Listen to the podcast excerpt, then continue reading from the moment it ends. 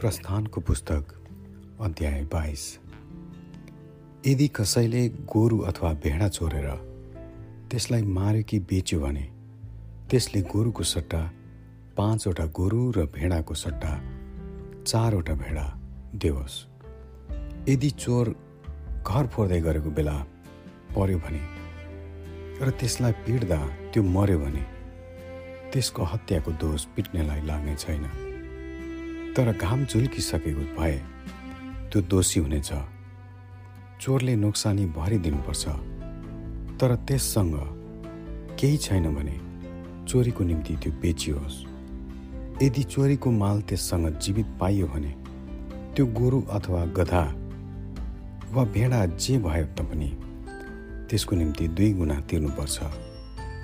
कसैले आफ्नो पशुलाई चराउँदा छोडिदियो र त्यो अर्काको खेत अथवा दागबारीमा चरेर खायो भने त्यसले आफ्नो खेत र दागबारीको सबैभन्दा असल उब्जनी त्यसको सट्टा देओस्। यदि झाडीमा आग लागि भएर अन्नको बिटा अथवा मकैका बोटहरू कि पुरा खेत नै भस्म भयो भने त्यो आगो लगाउनेले क्षतिपूर्ति गरिदिनै पर्छ। कसैले आफ्नो छिमेकीलाई रुपैयाँ अथवा सामान राख्नलाई दियो र त्यो त्यस मानिसको घरबाट चोरी र चोर पक्राउ पर्यो भने त्यस चोरले दोब्बर तिरोस्। तर चोर चाहिँ पक्राउ परेन भने त्यस घरको मालिकले आफ्नो छिमेकीको सामानमा हात हालेको छ कि छैन सो थाहा पाउनलाई न्यायकर्ताहरू कहाँ त्यो आओस्। जुनसुकै विषयको अपराध होस्। चाहे गोरु अथवा गधा वा भेडा लुगा फाटा कि कुनै हराएको वस्तु देखाएर कसैले त्यो मेरो हो भन्यो भने दुवैजना न्यायकर्ताहरूका अगाडि आउन्। न्यायकर्ताले जसलाई दोषी ठहराउनेछ त्यसले नै आफ्नो छिमेकीलाई दोब्बर दियोस् यदि कुनै मानिसले आफ्नो छिमेकीलाई गधा अथवा गोरु वा भेडा वा अरू कुनै पशु राख्न दियो र त्यो कसैले नदेखिकन मर्यो अथवा त्यसलाई चोट लाग्यो वा त्यो खेदेर भगाइयो भने ती दुवैका बिचको झगडा आफ्नो छिमेकीको सम्पत्तिमा हात लगाएको होइन भनेर परमप्रभुको अघि शपथ खाएर मिलाइयोस्। तब त्यसको मालिकले त्यो कुरा स्वीकार गरोस् र त्यसले क्षतिपूर्ति गर्नुपर्ने छैन। तर त्यो छिमेकीबाट चोरिएको हो भने त त्यसको मालिकलाई भर्ना दिनुपर्नेछ। त्यो जङ्गली पशुले छिन्न भिन्न पारेको छ भने त्यसले त्यो गवाईको निम्ति ल्याओस् र त्यो छिन्न भिन्न भएको कारण त्यसले भर्ना तिर्नुपर्छ पर्दैन। यदि कसैले आफ्नो छिमेकीबाट पशुको पैँचो लियो र त्यसको मालिक साथमा नहुँदा त्यसलाई चोट लाग्यो कि मर्यो भने त्यसले त्यसको भर्ना देओस्। तर त्यसको मालिक साथै भएदेखि पैँचो लिनेले त्यसको भर्ना दिनुपर्ने छैन। त्यो पशु ज्यालाको हो भने ज्यालाको लागि तिरेको रकमले सो नोक्सानी बेहोर छ।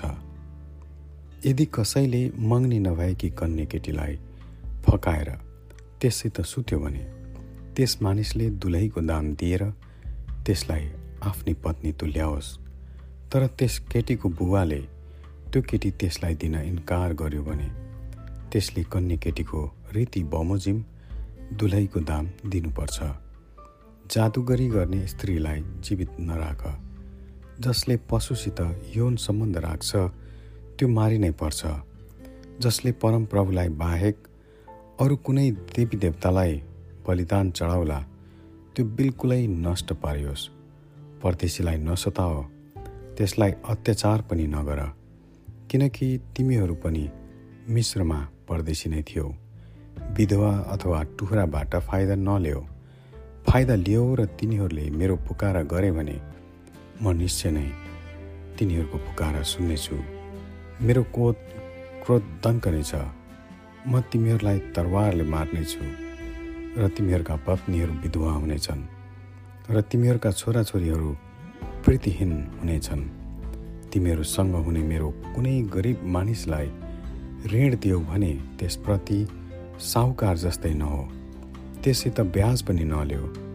तिमीहरूका छिमेकीको खास्टो बन्धकमा लिएका छौ भने सूर्यास्त हुनु अघि नै त्यो त्यसलाई फर्काइदेऊ। किनकि त्यो त्यसको एउटै मात्रै ओढ्ने हो। त्यसबाहेक त्यो केमा सुत्छ? त्यसले मेरो पुकारा गर्यो भने म त्यसको पुकारा सुन्नेछु किनकि म कृपालु छु। परमेश्वरको विरुद्धमा निन्दा नगर र तिमीहरूको शासकलाई पनि नसराप। आफ्नो खेतबारीको फसल र दागको रसबाट चढाउन विलम्ब नगर। तिमीहरूका छोराहरूमध्ये जेठो चाहिँ मेरो निम्ति देऊ त्यस्तै गरी तिमीहरूका गाईबस्तु र भेडा बाख्राहरूबाट पनि देऊ सात दिनसम्म ती आफ्ना माउसित रहन् आठौँ दिनमा चाहिँ ती तिमीहरूले मेरो निम्ति देऊ। तिमीहरू मेरो निम्ति पवित्र जन हुनुपर्छ। यसकारण तिमीहरूले जङ्गलमा पशुहरूबाट फहराइएको म पशुको मासु नखानु। त्यो तिमीहरूको ले कुकुरहरूलाई फालिदिनु। आमेन।